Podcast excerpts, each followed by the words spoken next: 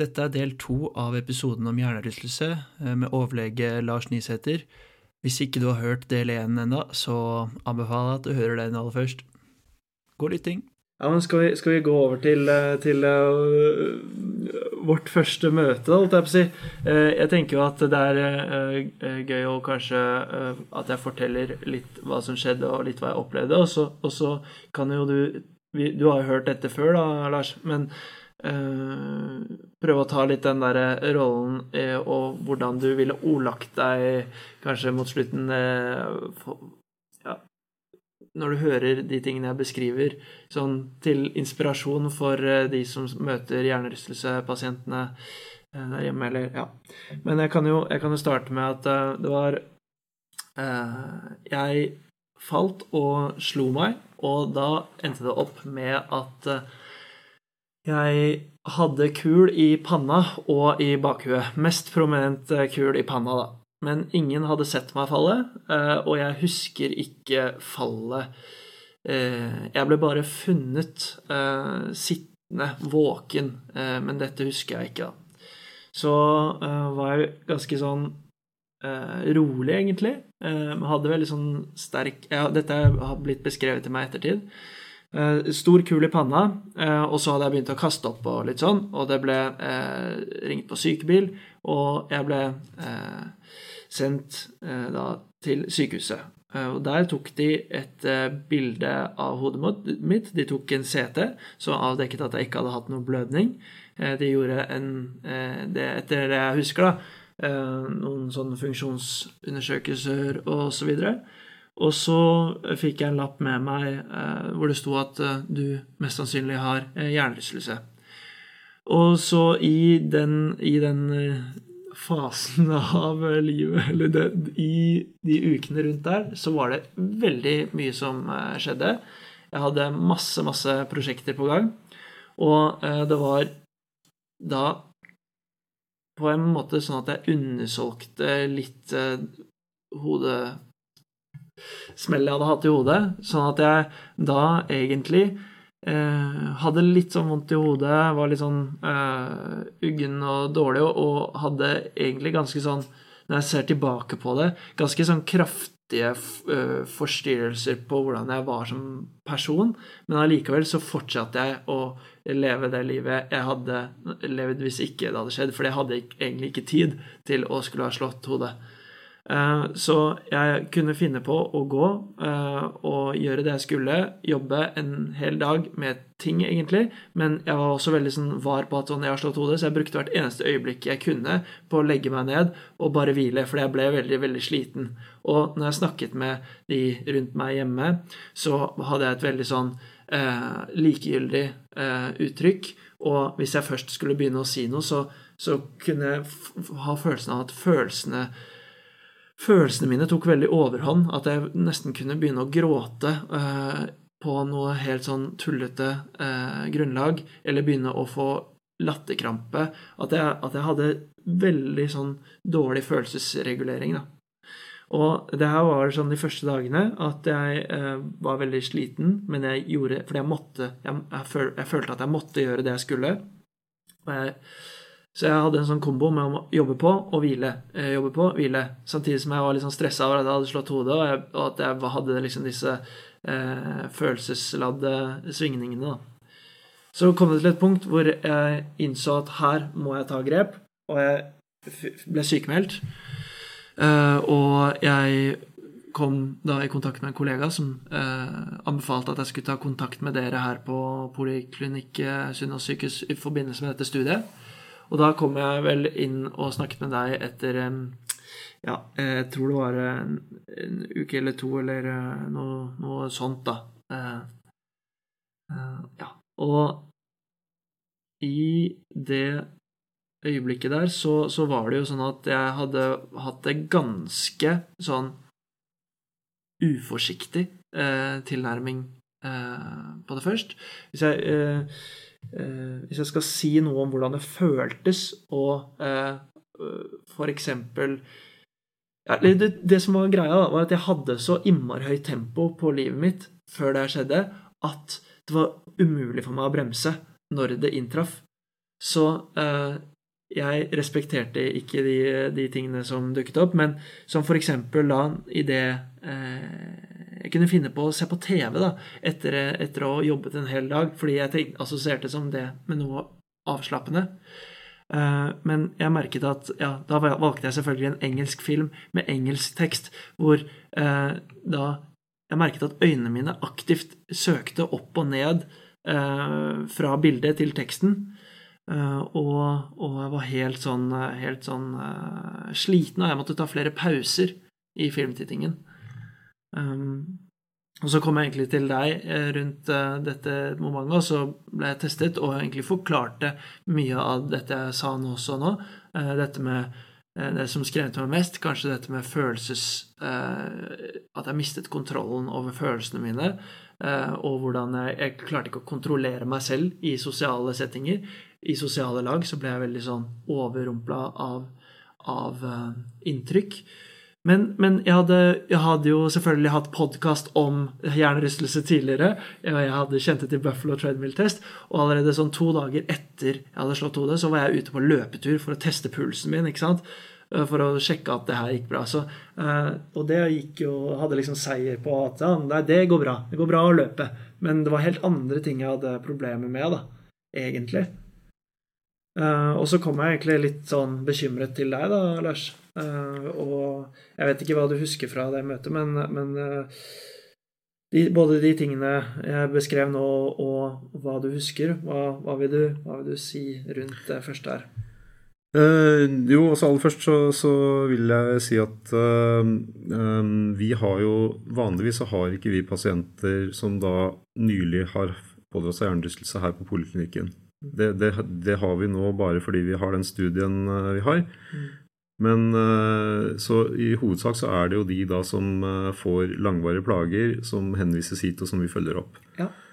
Og via de så har jeg hørt mange historier om hva, hvordan de opplevde det å få hjernerystelse, og den første fasen som du snakker om nå, da.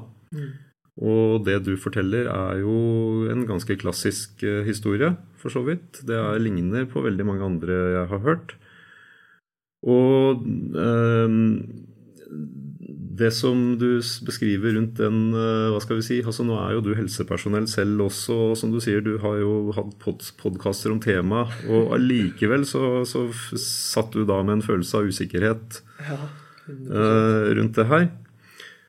Og um, det, vi, det, vi, tenker er viktig, og det er for så vidt ikke bare noe vi tenker, men det har også vist seg gjennom forskning, da, det, det, er at det som er viktig i den tidlige fasen uh, etter at man har slått hodet, det er å få informasjon om hva dette er for noe, og hva du kan forvente, og hvordan du skal forholde deg.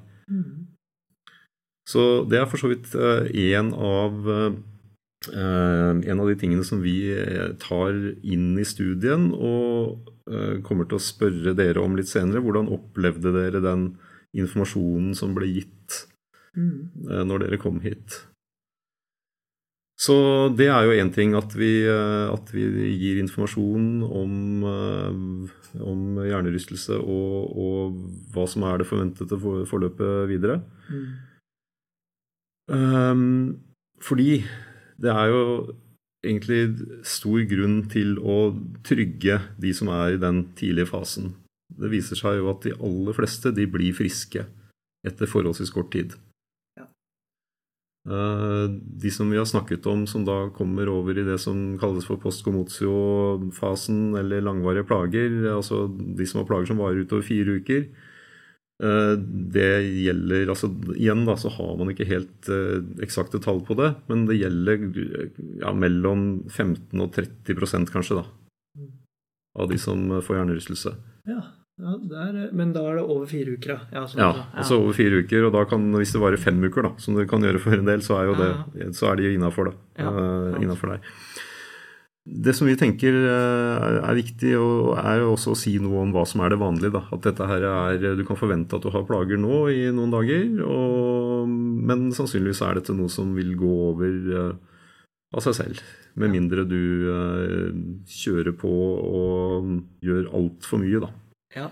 Ja, fordi Det var jo på en måte litt den bekymringen jeg kom med også. Det at jeg ikke hadde eh, respektert det her. og hadde opplevelsen av at jeg var ikke helt meg selv, og at hjernen min ikke fungerte like godt som tidligere. så det var jo en sånn Jeg husker jo at jeg ble veldig sånn trygga på Fordi jeg trodde jo at dette her var var noe helt sånn eh, spesielt. Og, når, man, når man får noen sånne, et par symptomer som man ikke, som ikke man har hørt om før, da, så, så var det en sånn betryggelse å høre, høre disse tingene. Eh, jeg husker også i forhold til dette med å, å ikke respektere uh, symptomene når de dukket opp. Fordi det var jo faktum i starten, at jeg bare mm, kjørte på. Ja. Og vi snakket litt om konsekvensen, eh, eller det som kanskje eh, ikke er konsekvensen, men heller et utsettelse av problem, et problem, da. Jeg vet ikke eh, er det, er det riktig å si det på den måten? I forhold til Jeg hadde fornemmelsen av at hvis man gjorde ting som ga deg symptomer, så ville det kanskje bare ta litt lengre tid enn det eh, ja, altså det, det, er jo helt riktig. Det, det, er sånn vi tenker, og for så vidt eh, igjen da, basert på erfaring fra de som vi har hatt inne her. Ja. Så, så, ser vi det at de som da presser seg, altså tenker tilbake, da, og, og, tenker at de kanskje presset seg litt for mye i starten mm. um, så vil eh, det være altså Det er nok ikke nødvendigvis sånn at du forverrer noen skade. Eller det gjør du nok ganske sikkert ikke. da. Jeg tror, jeg, tror, ikke det er det som skjer. Men det er nok heller det at du bruker lengre tid på å komme deg. Ja. Så hvis man gjør ting i riktig tempo, riktig dosert og i riktig mengde over tid, så, så tenker vi at eh, det kan være med å gjøre en raskere frisk Uh, og det er jo det vi er litt ute etter å finne med den studien her. Da. Uh, er det noen yes. av de forholdene vi undersøker som da kan være med å si noe om uh, prognosen videre? Mm. Og da det som du ble, det som vi gjorde med deg og for så vidt alle andre også som er med i studien, det er jo at vi gjennomfører den Buffalo Concussion Treadmill-test. Mm. Og klarte du den helt fint. Mm. Så du hadde jo ikke den aktivitetsintoleransen. Så den kunne vi bare krysse ut av lista. Mm. Så sjekket vi eh, synet ditt. Fant ikke noe spesielt på de synstestene vi, vi tar. Nei. Sjekket uh, balansen din. Den var helt uh, perfekt. Så ikke noe mistanke om at det var noe påvirkning av vestibulære systemet. Mm. Og mm, vi sjekket også nakken din noe. Det, der, du hadde litt grann stivhet og sånn i nakken, så vidt jeg husker. Ja, det er riktig. Og øh, ja. Uh, det, det, det, var ikke noe vi tenkte at trengte noe behandling? Nei. Sånn, det er jo interessant, fordi øh, jeg har jo hatt egentlig det som kanskje det er en ting som har vedvart lengst. Hvis, øh, sånn den nakkestivheten da, etter, etter å ha dunket skallen. Ikke vært noe plaget med noe særlig hodepine annet enn hvis nakken skulle bli så eh, stiv og gæren at man, man, føler at det liksom eh, er nesten sånn tensjonshodepine. Um, så det er jo på en måte Jeg vet ikke om jeg kategoriseres, fordi det kan jo Jeg kan oppleve det fortsatt, jeg. At det, det har ikke vært noe sånn Jeg i hvert fall Nå er det jo kanskje ikke så god relasjon mellom sånn at du husker at du var, som, eh, som Men jeg kan ikke liksom ha, huske at jeg har hatt så veldig eh, nakkeproblemer før, da. Men eh, etter jeg har hatt en skadebank eh, nå, så har det jo vært eh, litt nakkeproblemer, da. Stiv nakke, egentlig, å snakke om. da. Mm. Men, men, kan man liksom eh, argumentere for at det er noe sånn postkomotio-symptom, eh, det? Eh, altså du, det, sånn som jeg opplever deg, så har ikke du postkomotio. Nei, nei symptomatikk. Eh, og så blir det nesten litt sånn spekulasjon eh, i om det, det, du spør om nå. Fordi det vi også vet, da, eh, er at man blir jo veldig oppmerksom på symptomer når man går rundt og kjenner etter det. Det kan godt hende at du har hatt, vært litt stiv i nakken og hatt litt nakkehodepine før også, uten at du har brydd deg om det. Men uh, siden du nå har slått hodet og er klar over at det kan ha en innvirkning på nakken osv., så, videre, så kan det godt hende at du går og kjenner etter litt ekstra nå. Det er helt klart. Hele organismen blir jo på en måte litt mer på vakt uh, etter sånne hendelser. Ja. Er, jeg har lyst til å si én ting til om dette sånn det opplevdes å ha hjernerystelse. Og, og, jeg har lyst til å, å, å, bruke en bok jeg har lest, uh, som en sånn sammenligning, da. Uh, så uh, Det er en bok som heter 'Thinking Fast and Slow', som er skrevet av Daniel Kahneman. Og han beskriver to systemer i hjernen. Han kaller system 1 som autopiloten, det, det systemet som etter det som eh, gjør at du kan gå uh, uten å tenke over det, ha en uh, casual samtale med noen, eller kjøre rett fram på en bilvei. Og så har du system 2, eh, som er den analytiske hjernen som slår inn når du skal regne ut et vanskelig regnestykke. Hvis du skal f.eks. få oppgaven nå å regne 11 ganger 17, så er ikke det noe som kommer til deg, men det er noe du må stoppe opp og tenke gjennom, og du klarer å eh, finne ut av det hvis du bare stopper opp og bruker den, det system 2, da. Og eh, jeg Min følelse til det var at eh, System 1 ble litt satt ut av spill, eh, og det vil jeg bruke den, eh, det eksempelet jeg hadde med meg så på TV eh, eller film med engelsk tekst, der øynene mine ikke automatisk leste teksten, men jeg måtte aktivt gå inn og styre øynene mine, det føltes sånn, opp og ned for å få med meg budskapet. Så det var akkurat som liksom den derre den derre enkeltheten Eller at system 1 ble en system 2-aktivitet, nesten. At jeg måtte bruke mer energi på å eh, føre en samtale. Jeg ble eh, liksom eh, likegyldig til andre samtaler og sånn, fordi det kostet mye krefter å delta. Det var ikke, det var ikke lett å føre dialog. Eh, så, sånn føltes det i den akuttfasen. Da. Eh, jeg syns jeg vet ikke, er det har du, har du, noen tanker rundt den beskrivelsen jeg legger fram der? Ser, for meg så gir den egentlig ganske god mening. Um, jeg, jeg, tenker at du absolutt er inne på noe der. Det er jo egentlig sånn vi tenker også, at uh, når man slår hodet, så er det altså det som du kaller system 1, da, som er de tingene som er automatisert, og som man i utgangspunktet bruker lite tankevirksomhet og energi på. Eh, plutselig så blir de aktivitetene noe som du må bruke mer energi og tankevirksomhet og konsentrasjon for å klare å gjennomføre. Mm. Noe som da medfører at du sånn totalt sett bruker mer energi da, for å gjøre det du vanligvis gjør i løpet av en dag. Mm. Og som sannsynligvis er med til å gjøre deg raskere trøtt og sliten og gi deg symptomer som hodepine osv. Ja. Så eh, for meg så gir den modellen egentlig eh, mening. Jeg tror, tror faktisk du er eh, inne på, inne på, en ganske god forklaringsmodell da, med, med å se det på den måten. Ja, men det er ok. Uh, Kjempebra. Eh, sånn, eh, jeg må jo si at sånn min erfaring etter å ha vært og ha blitt testet eh, og fått informasjon og alt sånn, eh, så var det veldig fint. Eh, og jeg ble på en måte mye tryggere der jeg sto med det. Og jeg fikk en, ja, jeg fikk en følelse av at eh, dette var noe som skulle respekteres, men allikevel ikke henge seg opp i.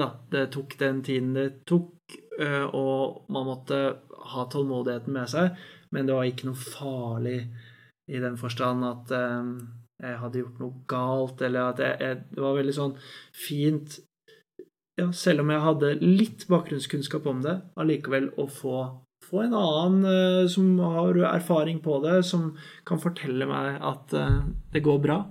Det var veldig, veldig sånn betryggende med å få være en del av dette studiet her, da.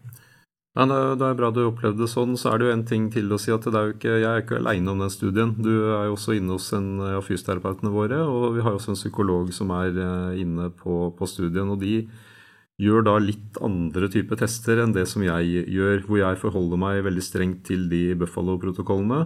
Yes. Mens fysioterapeuten da gjør litt uh, tillegg av balansetester og vestibulære tester. Mm. Og psykologen gjør litt tester på kognitiv uh, funksjon. Mm. Mm. Så um, poenget er egentlig å På en, ja, en sånn slags kvalitetssikring av de Buffalo-protokollene. Og, og det som eh, Hovedmålet her er å finne ut altså, hva, hva er det viktig å undersøke helt i starten. Hva, eller hva er det noe poeng å undersøke? Hva er det som kan gi oss noe som vi kan bruke til å gi råd eller veiledning, eller som kan si noe om prognose?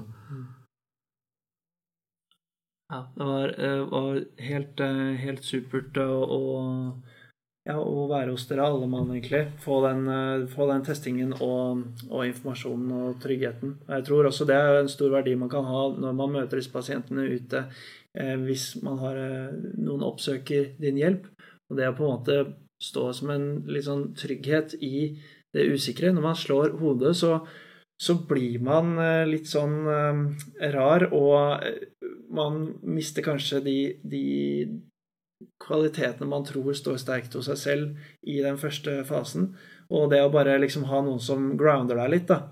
I hvert fall det kan jeg si fra min, mitt ståsted, da. At det var veldig fint. Mm. Det at det er flere fagpersoner også inne i bildet, viser seg faktisk å spille en rolle. Da, for det har man faktisk forska på. Ja. At en sånn tverrfaglig tilnærming eh, viser seg å være bedre enn en særfaglig tilnærming. Både med tanke på da, informasjon og trygging og undersøkelse og, og oppfølging. Da. Mm. Så det virker som det, altså tverrfaglighet i seg selv, eller at det er flere fagpersoner inne, spiller en rolle. Da. Ja, ja det, det, er et godt poeng. Jeg tenker at uh, vi har hatt en veldig sånn, interessant diskusjon eller samtale her i dag, og vi må runde av med å, å kanskje liste opp litt uh, av sånn uh, lenker og litteratur for den engasjerte lytter. Vi kommer til å lage et innlegg på fysio.no der det vil være tilgjengelig litt Er det noe du har lyst til å trekke fram av det som går an å finne der, Lars? Ja, altså det som, det som jeg har lyst til å trekke fram, er at i Danmark så har de kommet noen skritt lenger enn vi har i Norge. Der har de noe som heter Dansk senter for hjernerystelse, som har veldig bra nettsider. Og de har også utarbeidet nasjonale faglige retningslinjer for hvordan man skal forholde seg til de med vedvarende plager da, etter hjernerystelse. Og de har faktisk også en egen retningslinje for fysioterapeuter. Wow. Så det, det, tenker jeg du kan legge ut en lenke på. Ja. For de som er ekstra interessert i vestibulærsystemet, så finnes det noe som heter Norsk kompetansetjeneste for vestibulære lidelser, som er på Haukeland sykehus. Ja. De har også en veldig bra nettside, og der, blant annet så har de laget en e-lærebok som er veldig lettlest og veldig lettforklarlig. og en veldig fin innføring til vestibulære lidelser. Da. Ja. Så den, den, er også egentlig absolutt å anbefale. Eh, ellers så er det jo, som vi har vært litt inne på, det er mye av kunnskap og forskning som kommer fra USA, som, vi, som er det som vi lener oss på. Så, og særlig det miljøet i Buffalo, da, som, er, som, vi har fått kontakt med og koblet, koblet oss opp mot, så har de også ganske gode nettsider som bl.a. beskriver den tredemølletesten og ja. de andre testprotokollene som de bruker. Kjempebra. Og det siste er at i USA så har de også laget en uh, klinisk faglig retningslinje for fysioterapeuter. Mm. Som ble publisert i, um, i fjor, tror jeg. Ja. Så det er Det begynner å komme ganske mye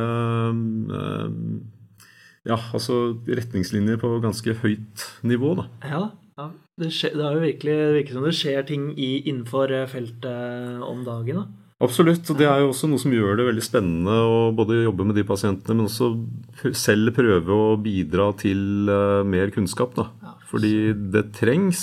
Uh, men jeg tror at uh, dette er et område hvor vi um, kan gjøre og få til ganske mye um, som, som, påvirker mange. Da. Um, så det er, det er, veldig spennende å jobbe innenfor det feltet her. Fy søren, det tror jeg på. Uh, Det er veldig, veldig spennende å høre deg prate om å, å få, få, få, litt av tiden din til å prate om dette òg. Det er jeg kjempeglad for. Og håper at da våre kjære lyttere her har lært eh, noe om hjernerystelse, slik som jeg har gjort i dag. Uh, tusen takk for at vi fikk ta prat med deg. Bare hyggelig. Veldig bra. Så hører du oss eh, senere her på Fysi podkast. Ha det bra på Fisi podcast. Håper du likte denne episoden. Følg oss gjerne på Facebook og Instagram. Der har vi ukentlig quiz og deler relevant fagstoff. Vi selger T-skjorter og annet merch på fysi.no. Vi har mange planer og mål, og omsetningen av merch skal vi bruke til videre prosjekter og kunnskapsformidling. Husk å abonnere og rate podkasten, slik at vi når ut til flere.